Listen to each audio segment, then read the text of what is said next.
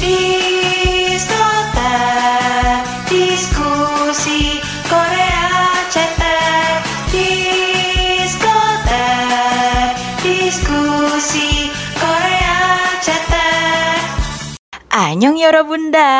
Di episode mepet ini Tayangnya sore ya bun. Karena emang baru rekaman kemarin. Jadi sedikit intro Sebenarnya ini adalah take kedua Sebelumnya gue udah rekaman Dan total rekamannya tuh satu setengah jam Dan itu pun belum selesai semua gue bahas Kebayang gak sih? Cuman pas gue denger-denger lagi kayaknya waktu itu gue lagi nggak prima deh moodnya, stamina-nya. Padahal gue udah ngomong sampai serak segala macem tapi gue dengerin sendiri aja tuh kayak kurang gitu moodnya makanya gue putusin gue bakal retake ya biar moodnya dapet. Mungkin kemarin-kemarin karena pas beres banget dramanya mungkin gue masih kehilangan nyawa apa gimana gitu. Jadi ya udahlah ya gue retake lagi dan mohon maaf ini upnya telat. Ya udahlah ya biasa ya gue udah biasa kan upnya sore. Lama-lama gue sore aja terus ya. Oke, seperti judul, gue bakal nge-review drama yang bikin kita semua, terutama gue sih, kesurupan dua bulan ini ya. Apalagi kalau bukan My Demon. Sebenarnya dari awal tuh ya, karena gue kan Songpyeon ya, gue ngefans banget sama Kangi. Ini udah tiga tahun, jadi ya dari awal Kangi ada comeback drama, emang gue udah bertekad gue bakal nge-hype. Entah itu dramanya nanti kayak gimana ya, bagus apa enggak, gue bakal tetap nge-hype.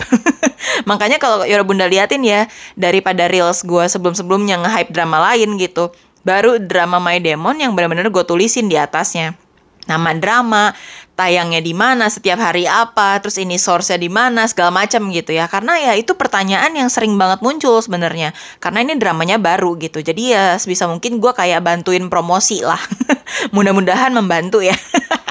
ya segitu cintanya lah gue sama Kangi gitu. Dan welcome Yoro Bunda yang baru follow gue karena My Demon, yang baru kenal Kangi juga karena gue yakin banyak banget gitu. Karena Kangi tuh emang lebih gede di internasional bukan di Indonesia sih. Karena kalau di Indonesia gede ya harusnya fan meeting kemarin nggak cancel ya.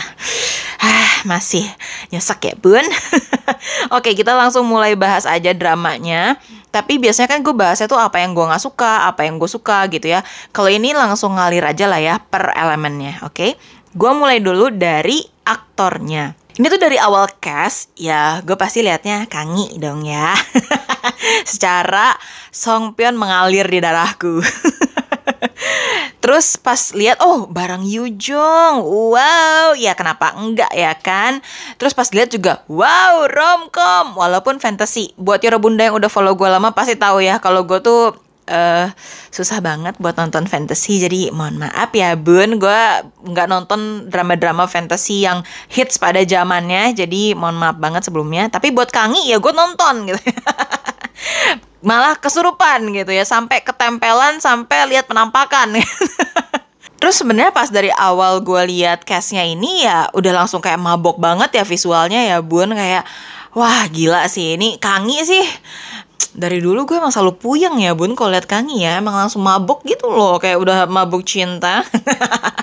Sakingan tuh kayak nggak ganteng banget bun. Udah sama dia jarang update ya jadi sekalinya update tuh meledak-ledak banget Terus cast lainnya juga kayak ada Isangi, ada uh, Juheju gitu ya. Gue tau lah mereka itu ya siapa aja.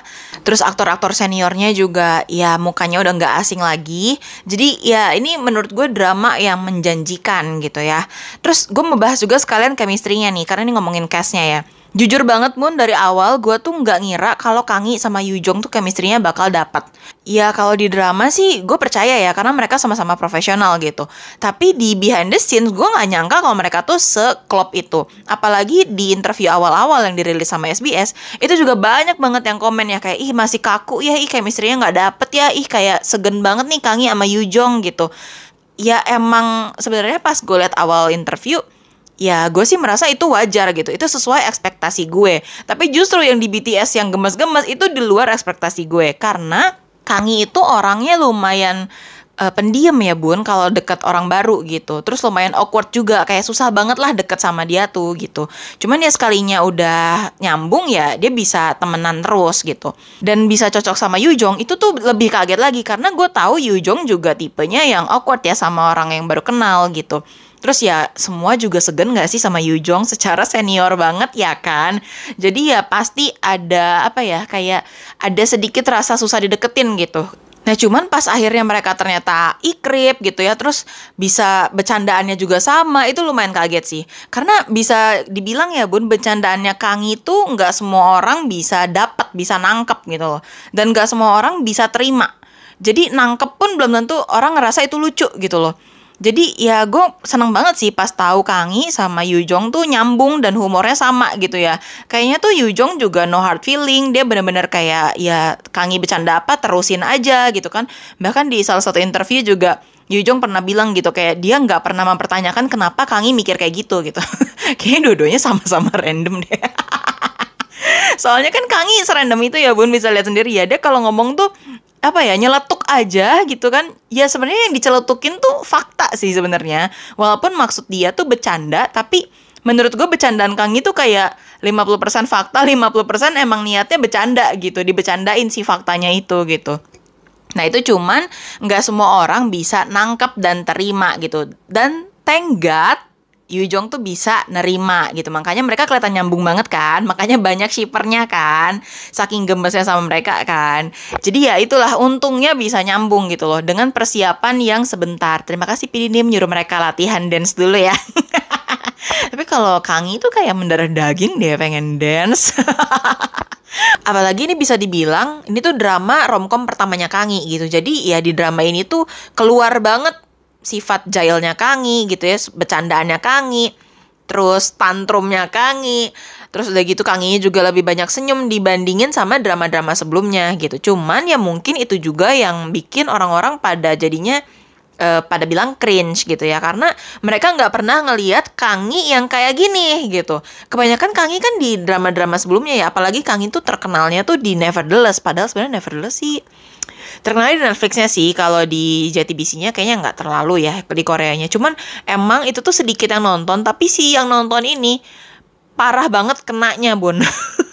Nonton deh yang belum nontonnya. Itu Nevertheless tuh kenanya kena banget beneran deh. Nempelnya setengah mati image-nya Kangi itu bener-bener Pak Jeon gitu loh ampe detik ini mau dia main drama apa pun ya udah main Sweet Home berapa kali. Tapi tetap aja image-nya tuh Park Jeon. Yang misterius yang pendiam yang tukang unboxing yang tukang kokop. Image-nya selalu kayak gitu.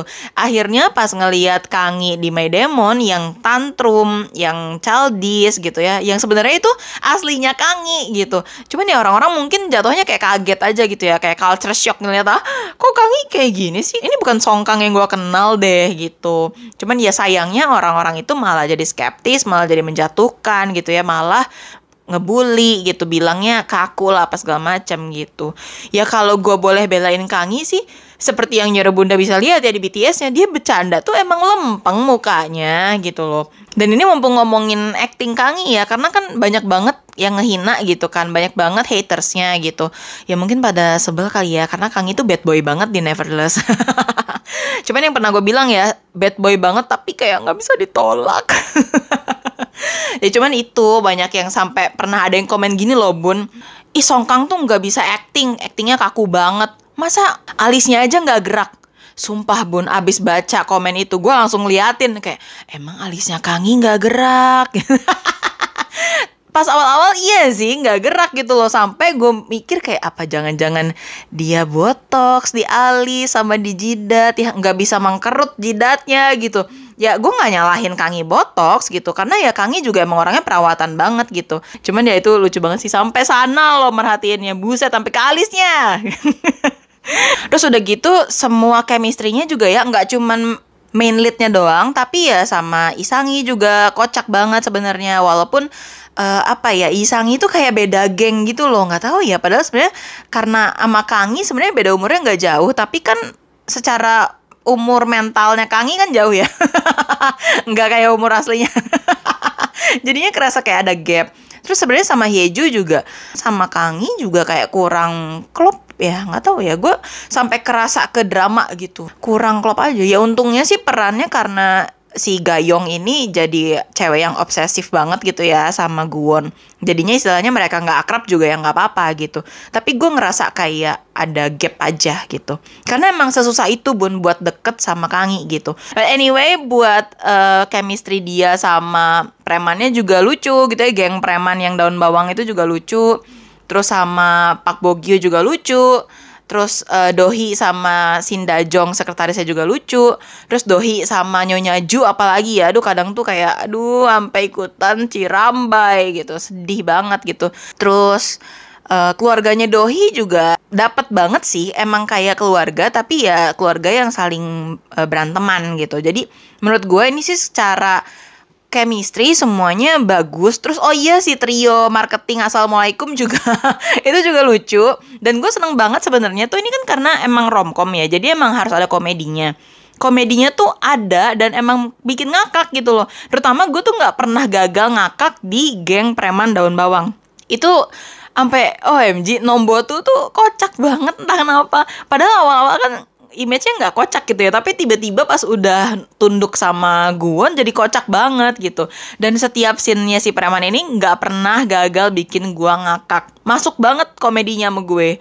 Cuman gue senang maksudnya uh, sisi komedinya tuh nggak cuman dari sisi Guwon aja atau Dohi aja gitu tapi dari dua-duanya ada gitu. Bahkan sekretarisnya pun akhirnya malah jadi pacaran gitu kan.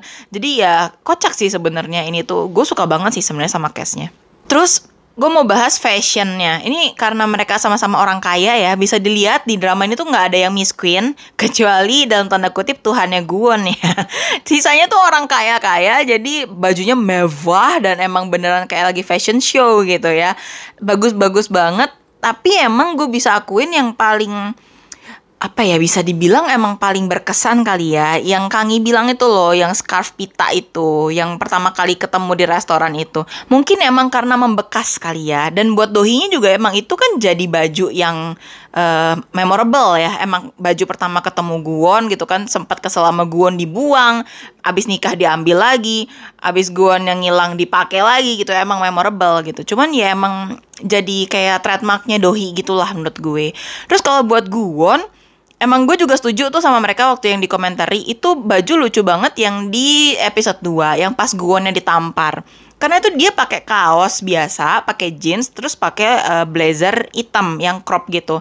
Emang Kang itu bagus banget proporsi tubuhnya kalau pakai yang crop gitu kan. Gila itu benar-benar mengemphasize pundak Kangi yang lebar banget. Terus kepala Kangi kan kecil banget ya. Jadi kayak makin kayak manga gitu. Keren banget keren banget cuman ya yang lainnya sebenarnya keren juga dan emang berwarna-warni terus Kang itu juga termasuk orang yang berani warna bun nggak kayak biasanya kan cowok-cowok sukanya monokrom gitu ya Kang itu emang suka yang warna-warni dan emang dia juga cocok banget kan karena orangnya juga putih banget gitu tapi dari semua kemewahan fashionnya yang bikin gue puyeng tetap Kang ikut tangan. Aduh astaga. Kayaknya pertama kali lihat Kangi pakai lengan buntung tuh ya. Kayaknya di BTS episode 6 yang ciuman di foto booth. Ya nggak sih? Tiba-tiba dia lepas blazernya terus dalamnya cuman uh, knit gitu tapi uh, tangan buntung gitu kan itu udah bikin puyeng ditambah naik sepeda tapi ku tangan itu yang di Hanggang hari itu ya pemandangannya indah banget. Terus juga yang BTS-nya yang di-share sama krunya juga ya yang Kangi pakai kutang hitam ya akhirnya di-share juga sih sama Namu yang nangkep nyamuk itu loh yang pas lagi jadi uh, demon awal-awal itu. Itu kan kayak ya apaan sih Kangi? Dibanding semua blazer Kangi yang keren-keren, yang mewah-mewah, yang kelihatan mahal, tapi damage terbesar adalah dari kutang. Ampun. Terus udah gitu kan selain kutang ya, selain kutang dan kemben, kan ada yang mirip kemben sih. Itu tuh Kangi juga banyak banget dia pakai sweater tapi sampai dada gitu. V-necknya terlalu bawah. Terus akhirnya, ini pun gue baru nyadar bun, jujur karena lihat Kangi dulu tuh gue nggak suka ngeliat cowok pakai kalung loh. Ya ini preference aja ya, beda-beda kan bun. Tapi gue kurang suka ngeliat cowok pakai kalung gitu. Ya entah kenapa ya, kayak centil aja. Habis kalau nggak centil biasanya tuh image-nya ya kayak preman, kayak mafia gitu kan ya, lebih ke sana gitu. Cuman ini di drama ini gue liat Kangi pakai kalung kayak kelihatan seksi banget. Aduh, tiap kali gue jadi apa ya nggak tahu ya lehernya jadi lebih indah. Kayaknya tuh kalung yang mengelilingi lehernya Kang itu kayak nambah cahaya ke mukanya gitu loh. Nggak tahu, gue suka banget, suka banget lihat Kangi pakai kalung. Akhirnya pikiran gue ngeliat cowok pakai kalung jadi berubah gara-gara Kangi gitu. Ya mungkin karena Kangi sih. Nggak tahu kalau cowok lain. Terus gue juga mau bahas OST-nya. Nah ini sebenarnya banyak banget ya bunda yang udah baca lah ya story gue atau mungkin baru follow nggak tahu kalau gue pernah ngomongin ini. Sebenarnya gue ada komplain tentang OST-nya. Bukan berarti gue nggak suka ya bun. Sebenarnya pas awal dikasih lihat line up penyanyinya, gue tuh udah excited kayak wah gila sih ini line up-nya gila banget. Tapi pas gongnya, pas di share gitu kan dirilis lagunya, eh sebenarnya awal-awal gue nggak nyadar tapi pas gue mulai eh, apa ya kayak ngedit-ngedit gitu ya kan gue berusaha bikin reels buat mereka kan Terus kayak waktu King The Land dulu kan bisa dibilang gue membantu mentrendingkan lagu-lagu OST-nya gitu. Yang siapa tahu akhirnya lagu-lagu trending kan biasa dipakai sama online shop, sama content creator ya kan, sama influencer gitu. Tapi ini tuh pas awal-awal ya, gue tuh ngedit-ngedit kan gue biasa ngedit scene-scene gemesnya aja kan, bun bisa dilihat ya. Gue tuh emang lebih sukanya scene gemesnya aja.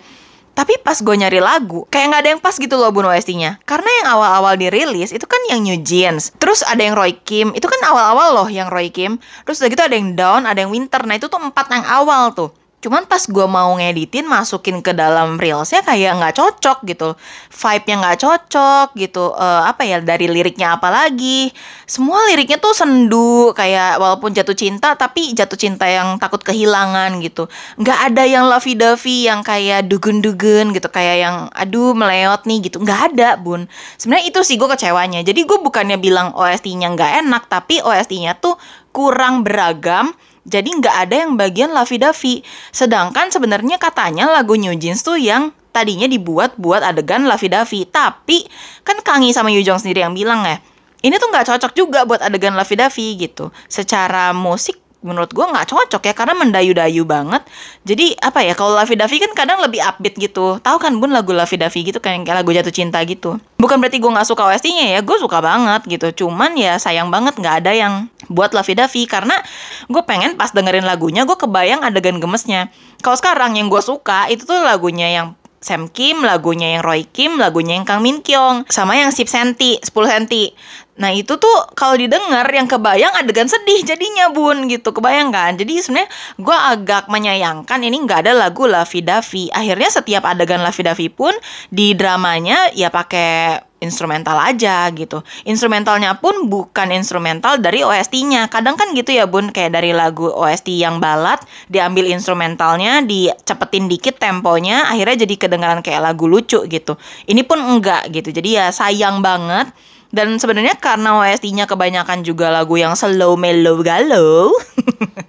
akhirnya di beberapa scene yang di ending scene gitu tadinya di episode sebelumnya apa, tapi pas diulang di episode berikutnya jadi berubah lagunya. Ini yang gue notice tuh ya pas episode 8 yang mereka ciuman di bawah keran.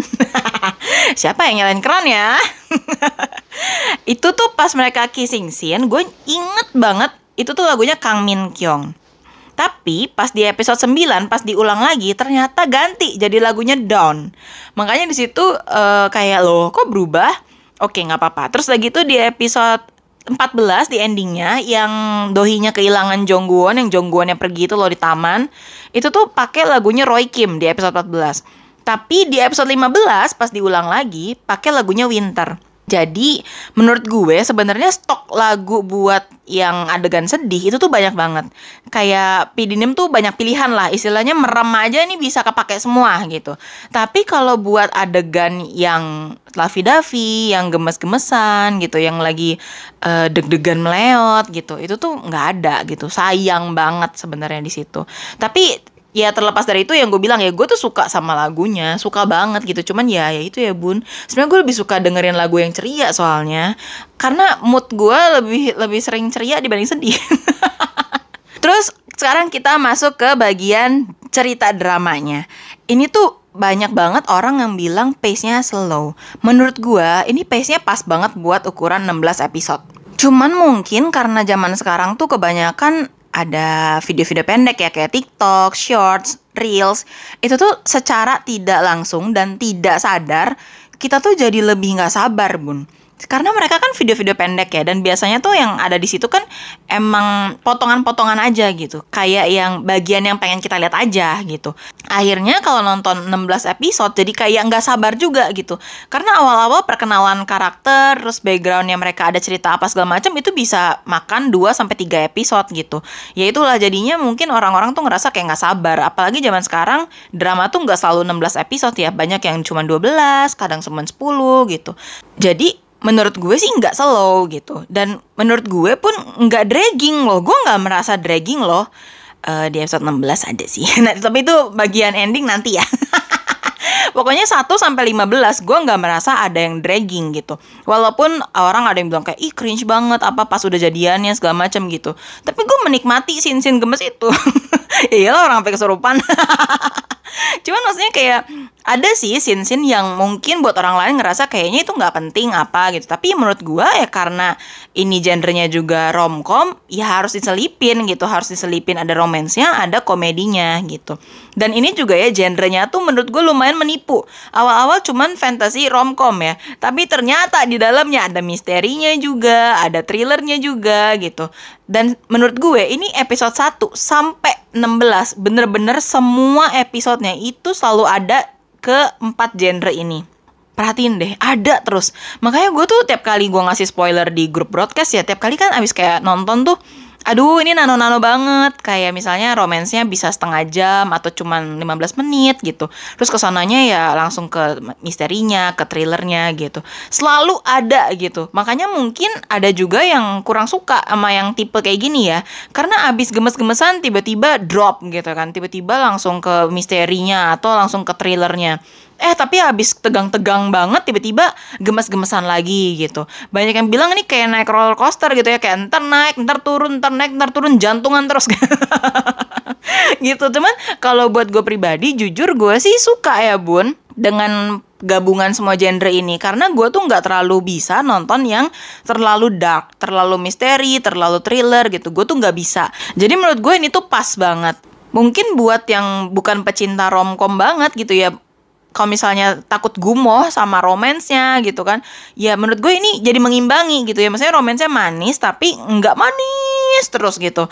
Jadi ya lumayan mengimbangi makanya nano-nano banget ya. Gue pernah bilang kan ini drama ternano-nano yang pernah gue tonton gitu. Cuman ya memang mungkin nggak buat semua orang gitu. Terus ini kalau masuk ke ceritanya gue tuh lumayan seneng banget karena alasan Dohi harus nikah kontrak itu tuh bukan kaleng-kaleng gitu loh. Karena ya sering kan ya bun kita nemuin drama romcom yang mereka tuh harus pura-pura nikah, pura-pura pacaran gitu. Dengan alasan yang sebenarnya tuh cetek gitu. Sebenarnya apa ya nggak mendesak gitu. Tapi kalau dohi ini menurut gue ini alasannya sangat amat kuat gitu, valid dan solid gitu. Jadi gue ngerasa kayak ih keren juga ya. Emang harus nikah gitu dan emang iya sih walaupun di keadaan genting ya kan Dohi tetap milih yang cakep gitu. Emang mata nggak bisa bohong ya bun. Emang tetap harus milih walaupun kepepet ya kan. Masa kita mau bangun tidur ngeliat yang empat gitu kan? Jadi ya itu eh, apa sih di sisi itu gue suka ya. Maksudnya ini dengan dengan prosesnya mereka harus nikah kontrak tuh ya kayak gini gitu. Terus ya dengan Guon yang enggak langsung mengiyakan juga menurut gue itu realistis gitu ya kayak lah ngapain gue tiba-tiba nikah sama lo gitu. Apalagi Guon demon gitu kan kayak ngapain juga gue nikah sama manusia lagi gitu kan. Jadi kayak ya make sense banget langsung ditolak gitu.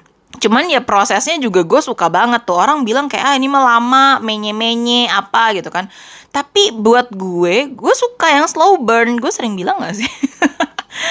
Karena dengan slow burn, akhirnya tuh jatuh cintanya prosesnya tuh ditunjukin. Nggak yang cuman serta merta tiba-tiba jatuh cinta aja. Terus jatuh cintanya juga yang sampai mati gitu kan. Kayak ya belakangan ini sih banyak sih drama Korea yang tiba-tiba jatuh cinta. Terus gue kayak ah bentar kenapa ya dia tiba-tiba suka ya? gitu. Ya walaupun ada di skrip ya bun. Cuman kan maksudnya lebih baik ditunjukin gitu. Nah ini tuh ditunjukin banget. Sudah guonnya nolak Dohi juga kan ya dia ada jealous-jealousnya sama Sokhun gitu. Terus dia juga sempat yang nyelamatin Dohi sampai akhirnya dia nyadar dia nggak mau Dohi mati gitu kan. Ya jadi menurut gue tuh ada simkung poinnya. Buat yang nggak tahu ya, simkung itu artinya hati berdebar. Kayak bikin layout lah ya bahasa sekarang mah. Nah ini tuh berasa banget simkung poinnya pas di episode 4 akhir waktu Tenggo ya kan. Di situ kan Dohinya nyelamatin Guon kan. Dia bilang kayak aku adalah penjaganya penjaga itu gitu. Itu di situ gua aja cewek ngerasa Dohi keren banget gitu. Ya gimana Guon gak meleot kan? Langsung abis itu kan langsung kayak apa? Masa gue jatuh cinta sama manusia gitu kan? Terus denial gitu kan gemes. Jadi gue suka sebenarnya bun slow burn yang kayak gini gitu loh. Dan akhirnya Guonnya juga mau nikah sama Dohi. Itu juga gue suka banget tuh. Karena akhirnya bukan cewek yang nge-propose gitu. Akhirnya Guon yang nge-propose dan Dohi yang mengiyakan gitu ya. Akhirnya tetap cowok yang lamar gitu kan. Terus weddingnya juga gue suka banget sih walaupun ini weddingnya uh, ini ya emang bercanda gitu kan bohongan kontrak gitu. Tapi di sela-sela yang serius gitu kan. Tiba-tiba guanya bercanda lagi kan ngeberhentiin acara lah. Kayak kok ada kata-kata selamanya sih? Yang kayak gitu gitu. Makanya gue sempet bikinin reels uh, wedding scene mereka versi yang romantis gitu ya. Karena sayang banget kan kanginya udah ganteng banget Yujongnya udah cantik banget tapi scene-nya tuh lawak gitu. Jadi ya udahlah gue bikinin gitu Terus dari komedinya juga yang tadi gue udah gue bahas ya di awal ya gue suka banget sama si geng daun bawang itu, sama si sekretaris juga gue suka. Si trio assalamualaikum sebenarnya ya bagus-bagus aja sih gemes, terutama ketuanya ya gemes banget gemoy. Cuman ya apa ya ya kayak bumbu aja gitu emang, tapi suka sih lucu. Jadi sebenarnya unsur komedinya juga dapat banget. Terus buat trailernya juga kalau buat gue sih ya mungkin karena gue kebanyakan nonton drama cetek ya bun. Aduh ntar dimarahin lagi. Jadi emang emang buat gue sih cukup gitu. Cuman buat pecinta thriller ya mungkin ngerasa kayak kurang gitu. Gue pernah tuh baca-baca komen banyak yang bilang kayak ini tuh perebutan kekuasaannya tuh kurang gitu. Ya kalau dipikir-pikir lagi iya sih karena Dohinya juga enggak yang benar-benar berusaha nyerang kayak ngejatohin Sokmin juga kayaknya enggak nggak sih maksudnya kayak ya dia lebih diem gitu bahkan sempat mundur juga kan gara-gara Guwon gitu jadi mungkin di sisi perebutan posisi komisaris itu ya Dohi lumayan pasif gitu ya. Mungkin ini kali ya emang bukan arahnya buat perebutan kekuasaan ya. Mungkin itu lebih fokusnya di Sokminnya doang gitu. Cuman kalau buat Dohi kan fokusnya buat nangkep siapa pembunuh Nyonya Ju ya kan? Dibandingin buat jadi komisaris. Gitu sih kalau gue ngerasanya. Cuman kalau buat uh, misteri thrillernya yang aduh gue nggak tahu ya ini sebenarnya lebih baik kayak gimana. Apa lebih baik kayak yang sekarang apa gimana ya? Cuman menurut gue alangkah lebih baiknya kalau POV-nya penonton itu sama dengan POV-nya Dohi. Karena dari sudut pandangnya penonton kita pikir kan awalnya penjahatnya si leher buduk kan terus ternyata dia uh, apa chattingan sama siapa gitu kan. Nah, si siapanya ini kan yang kemungkinan besar adalah keluarganya Dohi ya kan, anaknya Nyonya Ju gitu kan. Cuman tuh itu akhirnya jadi banyak yang bikin teori, tebak-tebak berhadiah gitu kan. Banyak yang ngira ya Dokyong, Sokmin, ada yang pernah bilang juga jangan-jangan Kim Sera gitu kan kayak uh, oke okay, orang-orang bener-bener banyak berimajinasi ya. Karena jujur ya bun dari awal gue tuh nggak mikir macam-macam, gue udah tahu tuh Sokmin gitu loh bun. Kayak apa ya? Ya gue sih selalu bilang gue kalau nonton nggak pernah mikir. Cuman bukannya bener-bener kosong tapi bukannya juga berusaha nebak-nebak gitu ngerti kan bun kayak ya feeling aja ah gini mah ya Sokmin lah siapa lagi yang pengen jabatan komisaris siapa lagi sama juga kasusnya pas ketahuan kayak Nyonya Ju tuh ternyata bukan meninggal biasa tapi dibunuh gitu ya gue nggak mikir yang lain bun jujur walaupun di kamuflasein sama Dokyong ya tapi entah kenapa gue ngerasa emang dalangnya Sokmin aja gitu. Cuman ya apa ya gue nggak berteori macam-macam nggak yang terlalu dipikirin juga gitu. Tapi ya feeling aja gitu. Terus uh, abis si leher buduk itu akhirnya dibakar sama Sokmin, akhirnya kita semua tahu dong siapa dalang di balik itu semua ya kan, yaitu Sokmin ya kan. Cuman di drama Dohi itu belum tahu kalau itu Sokmin, iya kan? Bahkan Dohi itu masih mikir itu adalah Dokyong gitu. sampai Dogyongnya akhirnya bunuh diri, Dohinya ngerasa kayak ya pembunuhnya Nyonya Ju bunuh diri nih gitu. Terus malah dia masih mikir kayak masa sih Sokmin nggak tahu gitu. Itu sih yang gua agak sayangkan gitu. Apakah lebih baik kalau penonton juga nggak tahu ya kalau Sokmin pelakunya gitu dalang dari semuanya. Apa mendingan penonton juga mikir ya ngebunuh si leher buduk juga Dokyong ya? Karena kan sebenarnya buat ngebunuh si leher buduk kayaknya nggak perlu nunjukin muka deh. Karena kan tuh dibakar ya, istilahnya kayak tunjukin tangan doang kayak lempar korek kayak apa gitu. Maksudnya masih bisa uh, kamuflase gitu lah ya. Ya itu sih menurut gue jadi buat penonton kita udah tahu gitu siapa pelaku sebenarnya. Tapi buat Dohi itu belum gitu. Kayaknya malah jadi nggak surprise lagi gitu. Pas dohinya tahu malah kayak ya lah dohi ke mana aja gitu.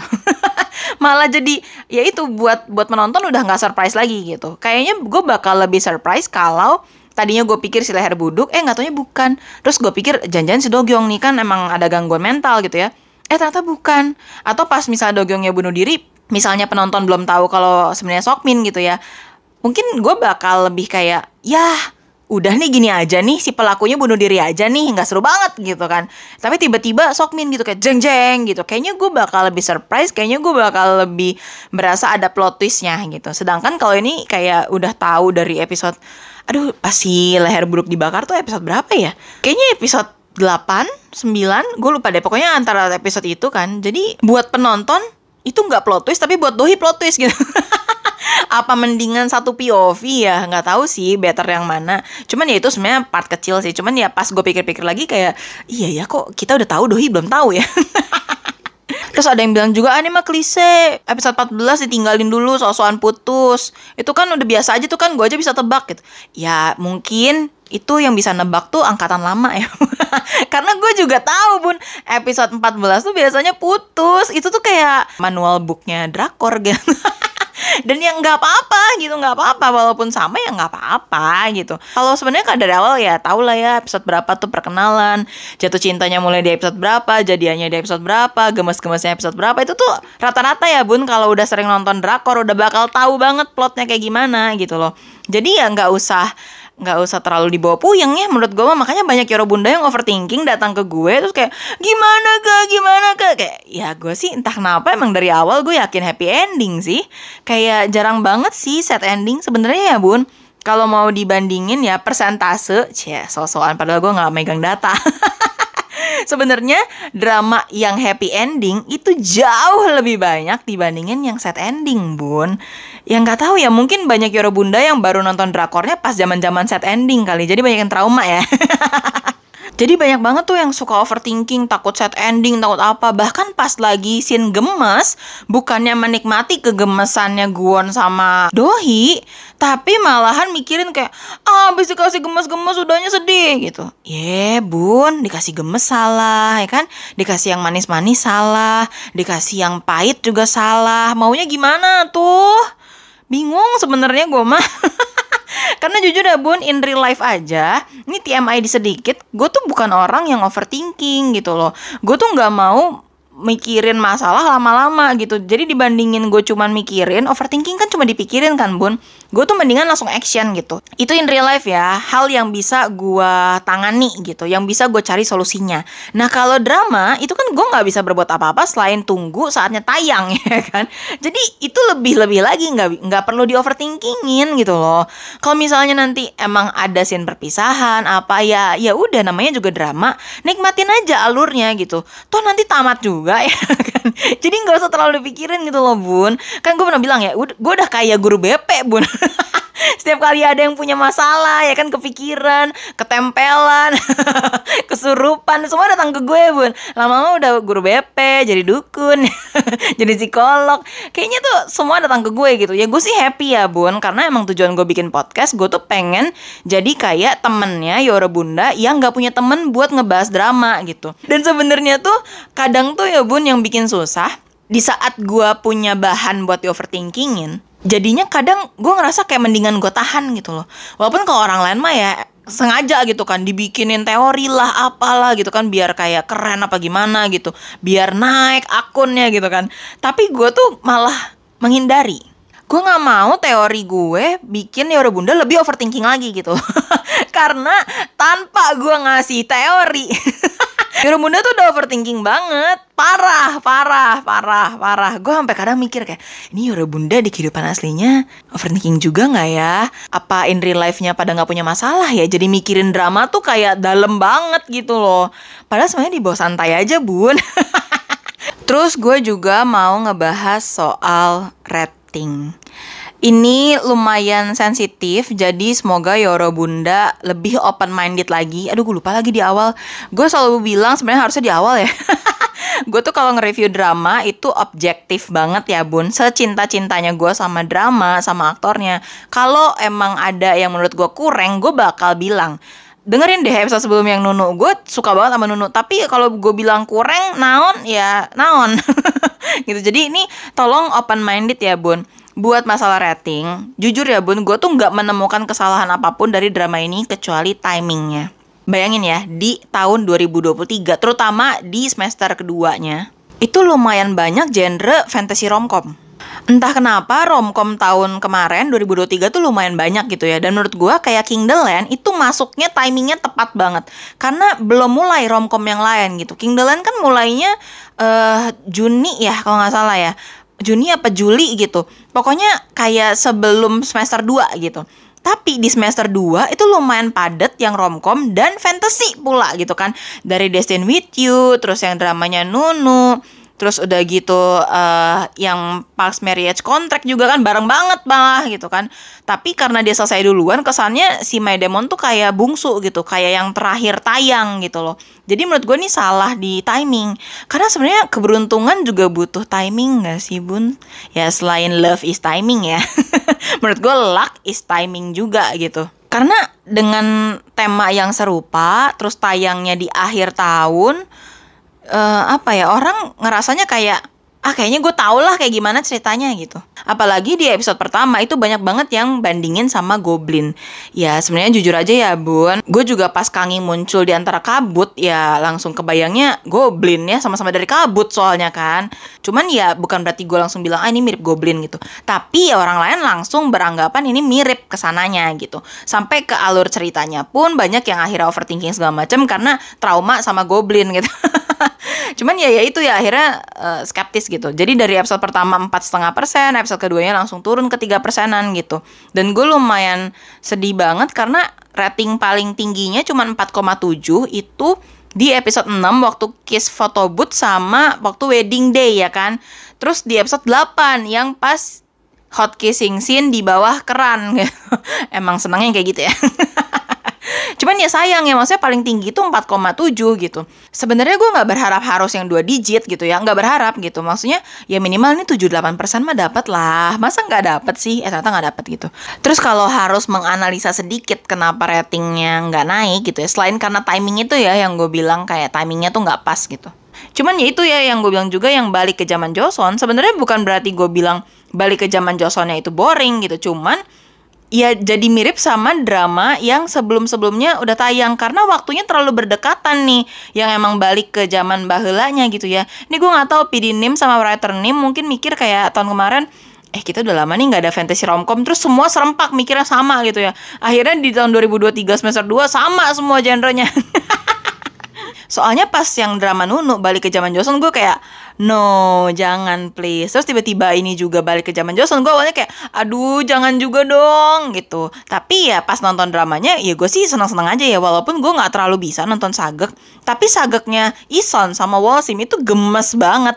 Itu cuma setengah jam tapi full kegemesan gitu loh kayak padat singkat ya gemes aja gemes banget malah bahkan itu diceritain cara jatuh cintanya gitu kan ya simkung poinnya juga kelihatan lagi gitu. Jadi gue suka banget. Apalagi pas di episode 15 cuman 10 menitan yang dohinya mimpi kan. Dan itu kan kebalikan POV-nya Guon waktu Guon kan POV-nya Ison. Terus waktu dohi POV-nya Walsim gitu. Jadi ya ya itu ya. Maksudnya kayak gemes gitu. Jadi ada dua POV gitu. Walaupun sebenarnya scene-nya ya sama gitu. Cuman nggak berasa mengulang kayak drama Nunu sih menurut gue. Dan emang gemes banget. Sebenarnya pas lagi sageknya itu gue nggak bawa bosan gitu cuman kembali ke zaman Joseonnya tuh seakan-akan mirip sama drama-drama sebelumnya gitu walaupun menurut gue buat drama My Demon tuh emang butuh scene balik ke zaman bahela supaya tahu kenapa awalnya si Guwon ini jadi demon ya kan? Kayak sebenarnya dia dosa apa sih sampai dihukum Tuhan jadi demon gitu? Sebenarnya kenapa awalnya gitu? Ya biar tahu aja sih asal muasalnya ya mau nggak mau balik ke zaman Joseon gitu. Fine fine aja sebenarnya cuman mungkin orang ngelihatnya kayak mirip gitu ya. Terus ditambah lagi ini tuh penamaan Guwon, aduh gue lupa lagi bahas di awal ya. Karena ya kita tahu ya Guwon sebelumnya King the Land ya kan? Itu kan benar-benar jadi talk of the town banget ya kan? Ratingnya juga tinggi ya kan? Nyampe 12 persenan. Eh 12 persen kan? Ya puncaknya sih ada yang 14 persen kan cuman ini tuh nggak beda jauh kayak bedanya cuman tiga bulan ya kalau nggak salah.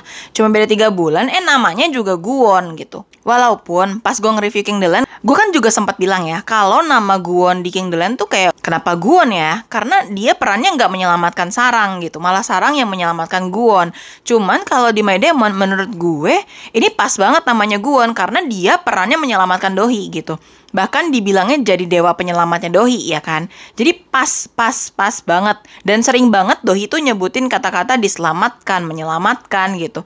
Dan Guwonnya juga sering pakai kata-kata menyelamatkan diselamatkan yang kayak gitu gitu Cuman ya itu ya balik lagi masalah timing sih Bun. Ini terlalu mepet sama Guwon yang sebelumnya gitu. Jadi mungkin yang belum move on dari King the Land pun ada kayak yang ih kok namanya sama-sama Guwon sih? Ya udah mah namanya sama, terus scene-nya disamain sama Goblin ya. Jadi kayak makin-makin dibilang kayak ah mirip sama yang mana lah, mirip sama yang mana lah. Nanti ada yang mirip sama Doom at your service lah kayak gitu-gitu ya banyak banget katanya ih nggak kreatif lah apalah. Jadi kayak ya menurut gue masalah timing juga sih. Terus kalau masalah mirip sama Goblin, katanya sinematografinya sama gitu loh. Ya kenapa tuh ya dimiripin? sebel. sebel banget asli, sebel banget. Apalagi yang pas Guwonnya pembakaran diri yang jadi serbuk bon cabe itu kan katanya posisi duduknya aja sama gitu dan yang paling bikin kaget bahkan jaketnya Dohi aja mirip sama jaketnya entak gitu kan. Jadi makin makin aja ya bun. Sampai aktingnya Yu Jong pun dibandingin sama aktingnya Kim Go Eun gitu. Jadi ya sayang sekali. Kalau penamaan Guwon di My Demon ini gue suka banget karena bener-bener kepake yang tadi gue bilang.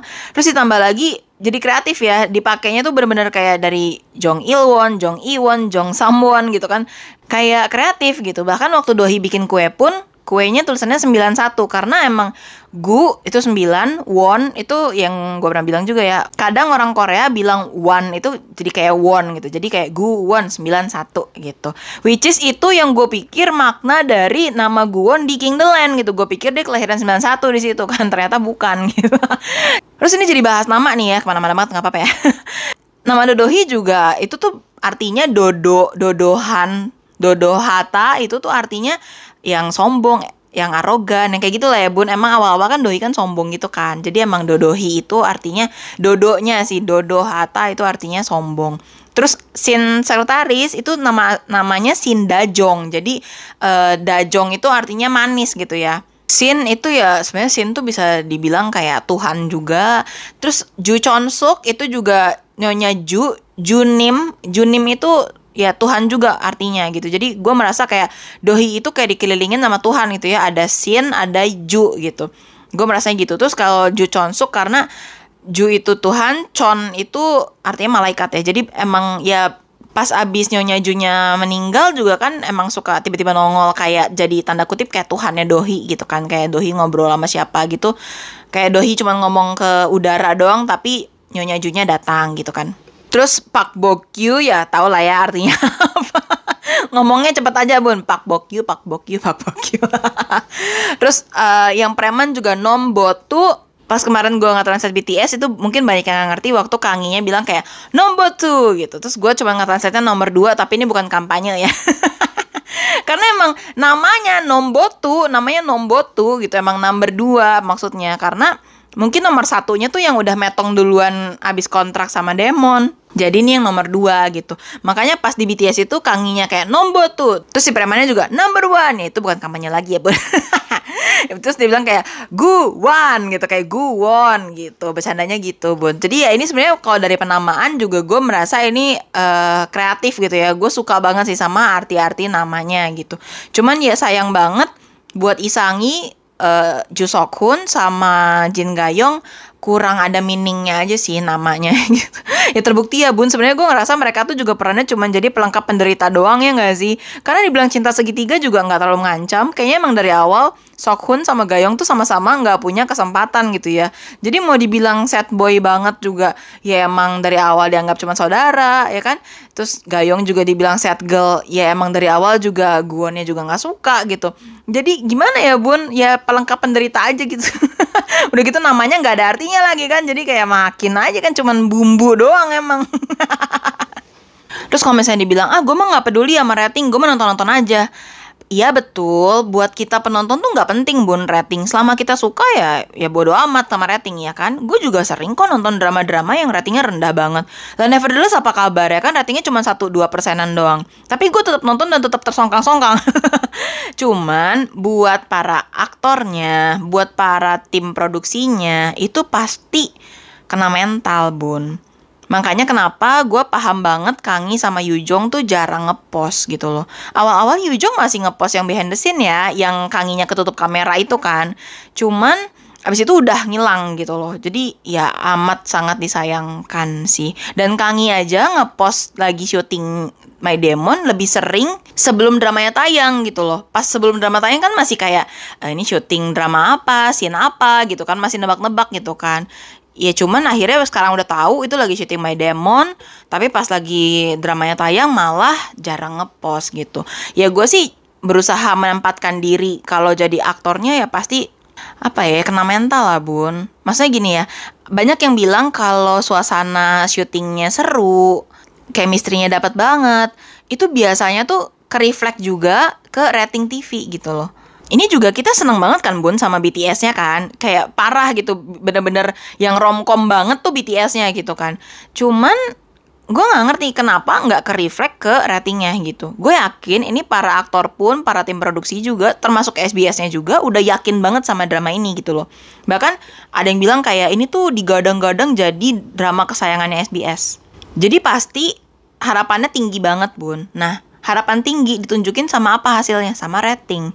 Makanya kalau penonton nggak peduli ya nggak apa-apa nggak peduli gitu. Cuman buat para aktornya buat para tim produksi itu penting banget bun. Itu tolak ukur suatu kesuksesan sebuah drama. Karena mau nggak mau dramanya ditayangin di TV apalagi di awal-awal banget banyak banget artikel komen ngejelekin aktingnya Kangi gitu loh dan gak bahkan gak cuman Kangi ya. Yujong aja sampai ikutan dibawa gitu. Dibilangnya aktingnya malah turun lah. Aktingnya gitu-gitu aja lah gitu loh. Makanya gue nggak heran Yujong nangis waktu di SBS Drama Awards gitu karena ya apa ya bisa dibilang kayak abis kena hujatan tiba-tiba dia dapat awards terus ditanya juga sama Shin Dong Yop gitu kan kayak udah berapa lama 20 tahun gitu. Akhirnya dia jadi kayak mungkin mungkin ya mungkin ya perasaannya Yujong ada rasa kayak oh gue udah 20 tahun tapi kok gue masih ada yang ngehina juga gitu. Makanya dia di speechnya bilang kayak aku masih pengen bermimpi dan aku nggak akan berhenti bermimpi gitu loh. Nah, walaupun ya udah bunda gue tahu kesel banget greget banget ini mereka berdua ke mana sih? Nggak ngepost ngepost.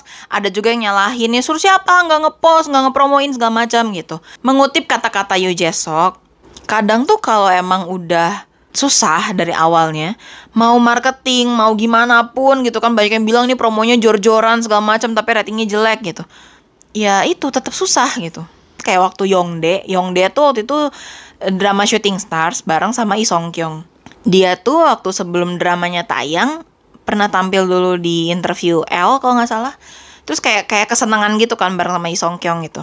Terus kayaknya tuh udah pede ini drama bakal booming gitu kan. Ternyata ratingnya cuma satu persenan. Itu Yongde sebelum dramanya tayang. Ngepost terus. Ngepostnya juga yang ngetek Songkyongnya segala macam gitu kan. Ngepost terus buat promosi. Tapi tiba-tiba pas dramanya tayang dar hilang. Sebenarnya gue udah feeling dia pasti kena mental. Dan Yongde waktu itu beres dramanya berapa bulan di interview lagi sama majalah apa gitu. Akhirnya dia bilang dia emang kena mental karena dia berharap itu berhasil gitu loh. Nah ini makanya My Demon pun gue merasa kayak gitu gitu ya. Kangi sama Yujong kayaknya begitu juga gitu. Makanya Kangi lebih ya kayak tadi juga kan dia nge-story segala macam gitu ya. Mungkin jadi lebih mau keluar seudah dramanya beres gitu. Ya amat sangat disayangkan emang gitu. Cuman nggak bisa dipungkiri bun. Ini kayak semuanya berharap tinggi gitu ya. Ini harapan lebih tinggi daripada harapan orang tua gitu. Ekspektasinya lebih tinggi daripada ekspektasi Simon Cowell gitu. Menurut gue ini dibandingin ekspektasinya, setengahnya aja tuh enggak gitu loh nggak ada yang nyangka dramanya Yujong, dramanya Kangi cuman 3-4 persenan gitu. Bahkan pernah drop ke 2,9 itu gue kaget banget sih. Entah itu alasannya, iya rame di OTT lah, apalah segala macam gitu. Tapi ada juga yang ngebantah di OTT Korea nggak nggak trending lah, nggak nomor satu lah, apa segala macam. Bahkan menarik juga ada yang DM kayak, Min kok aku liatnya Kang itu kayak dikucilin ya di Korea, kayaknya tuh dia terkenal internasional. Gue bisa bilang iya. Karena emang Kang itu terkenalnya dari awal tuh gara-gara Netflix kan. Jadi emang kalau buat di TV nasional emang ya belum lah gitu jadi ya gue cuma pengen ngasih tahu aja ke Yoro Bunda jangan marah sama Kangi sama Yujong gitu ya mereka nggak ngepost ngepost gitu. Coba berusaha berempati gitu ya kalau kita di posisi dia tuh gimana gitu loh. Pasti bebannya berat banget gitu. Bahkan gue ngeliat ya uh, apa ya pas yang terakhir itu loh BTS mereka dada dada thank you thank you gitu.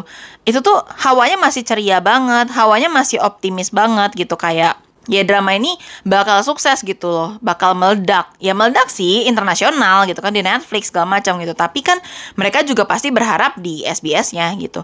Karena kalau meledak di SBS ya pasti SBS juga bisa kasih bonus ke mereka. Dan sebenarnya gunanya apa sih ratingnya bagus? Terutama buat stasiun TV ya, yaitu kalau misalnya ratingnya bagus, pasti banyak iklan yang antri. Dan di slot itu, di slot di tengah-tengah uh, dramanya tayang, itu bakal mahal banget harganya, Bun. Dan itu keuntungan buat stasiun TV-nya. Makanya kalau sampai uh, si ratingnya bagus, stasiun TV itu kadang kan ngasih hadiah mereka jalan-jalan liburan gitu kan. Ya karena si stasiun TV udah dapet cuan dari para advertiser gitu loh. Walaupun istilahnya ya nggak apa-apa lah ratingnya kecil di SBS yang penting kan Netflixnya bagus gitu. Ya cuman kan ke kenyataannya banyak juga bun drama yang rating TV-nya bagus, OTT bagus gitu. Ngerti kan bun? Walaupun sebenarnya ini agak nggak sinkron ya mereka trending terus di mana-mana gitu kan tiap minggu, tapi ratingnya nggak nggak ngangkat gitu. Orang senengan nonton di TikTok doang apa gimana sih? Cuman ya itu kasihan. Padahal hmm, gue pikir sebelum Kangi wamil tuh ini bakal jadi drama yang jadi hadiah buat Kangi gitu loh. Ya emang sih Kangi nambah followersnya lumayan banyak banget ya, nambah 4 jutaan gitu. Yujong juga sama nambah 3 jutaan. Terus ada juga yang pernah komen gini kayak, udah sih Songkang nggak usah main drama di SBS lah, lo main aja soal di TVN, di JTBC gitu. Ih buset ya bun nih orang tuh kalau udah jahat tuh emang dari lahir ya Eh bun, ini udah lama banget gue ngomong sendirian. uh, ini belum selesai karena gue belum bahas sampai ke endingnya ya. Jadi kita lanjut di part berikutnya, oke? Okay?